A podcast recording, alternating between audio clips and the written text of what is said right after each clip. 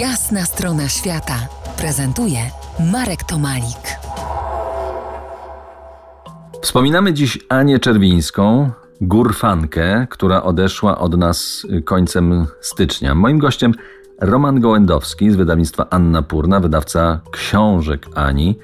Tym razem będzie to głos samej Ani, nagrany przez ciebie i jako komentarz, tak?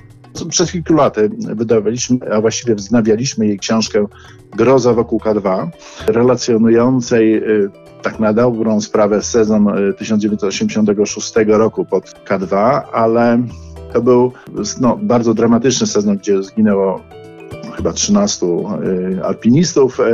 Oczywiście były też sukcesy, no bo Wanda Rutkiewicz wchodziła na szczyt i w pewnym momencie Ania była chyba na leczeniu w szpitalu a ja robiłem dodruk i, i chcieliśmy akurat zaznaczyć to, co się aktualnie działo na K2 i poprosiłem właśnie Anię na taką wypowiedź do telefonu.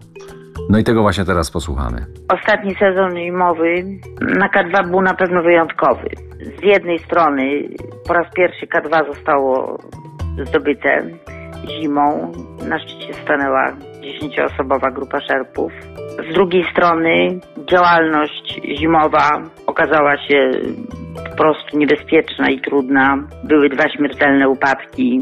W drugiej połowie sezonu kolejny atak szczytowy zakończył się zaginięciem trójkowego zespołu, który z pewnością nie był niedoświadczony, bo uczestniczył w tym zespole słynny pakistański wspinacz Ali Satpara, który zdobył nam Geparda zimą. No jakby, jakby podsumowując to, co się działo, ja myślę, że jest to kolejny, kolejny raz ostrzeżenie przed grozą, przed niebezpieczeństwami, jakie K2 za sobą niesie.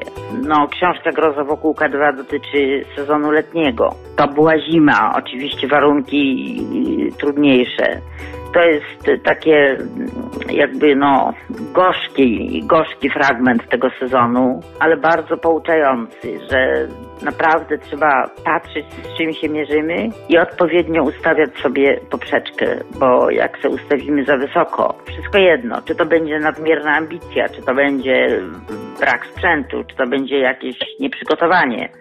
Każdy taki nasz błąd góra może wykorzystać przeciwko nam. No dobra, więcej z siebie nie wyduszę. To jest jasna strona świata w RMS Classic.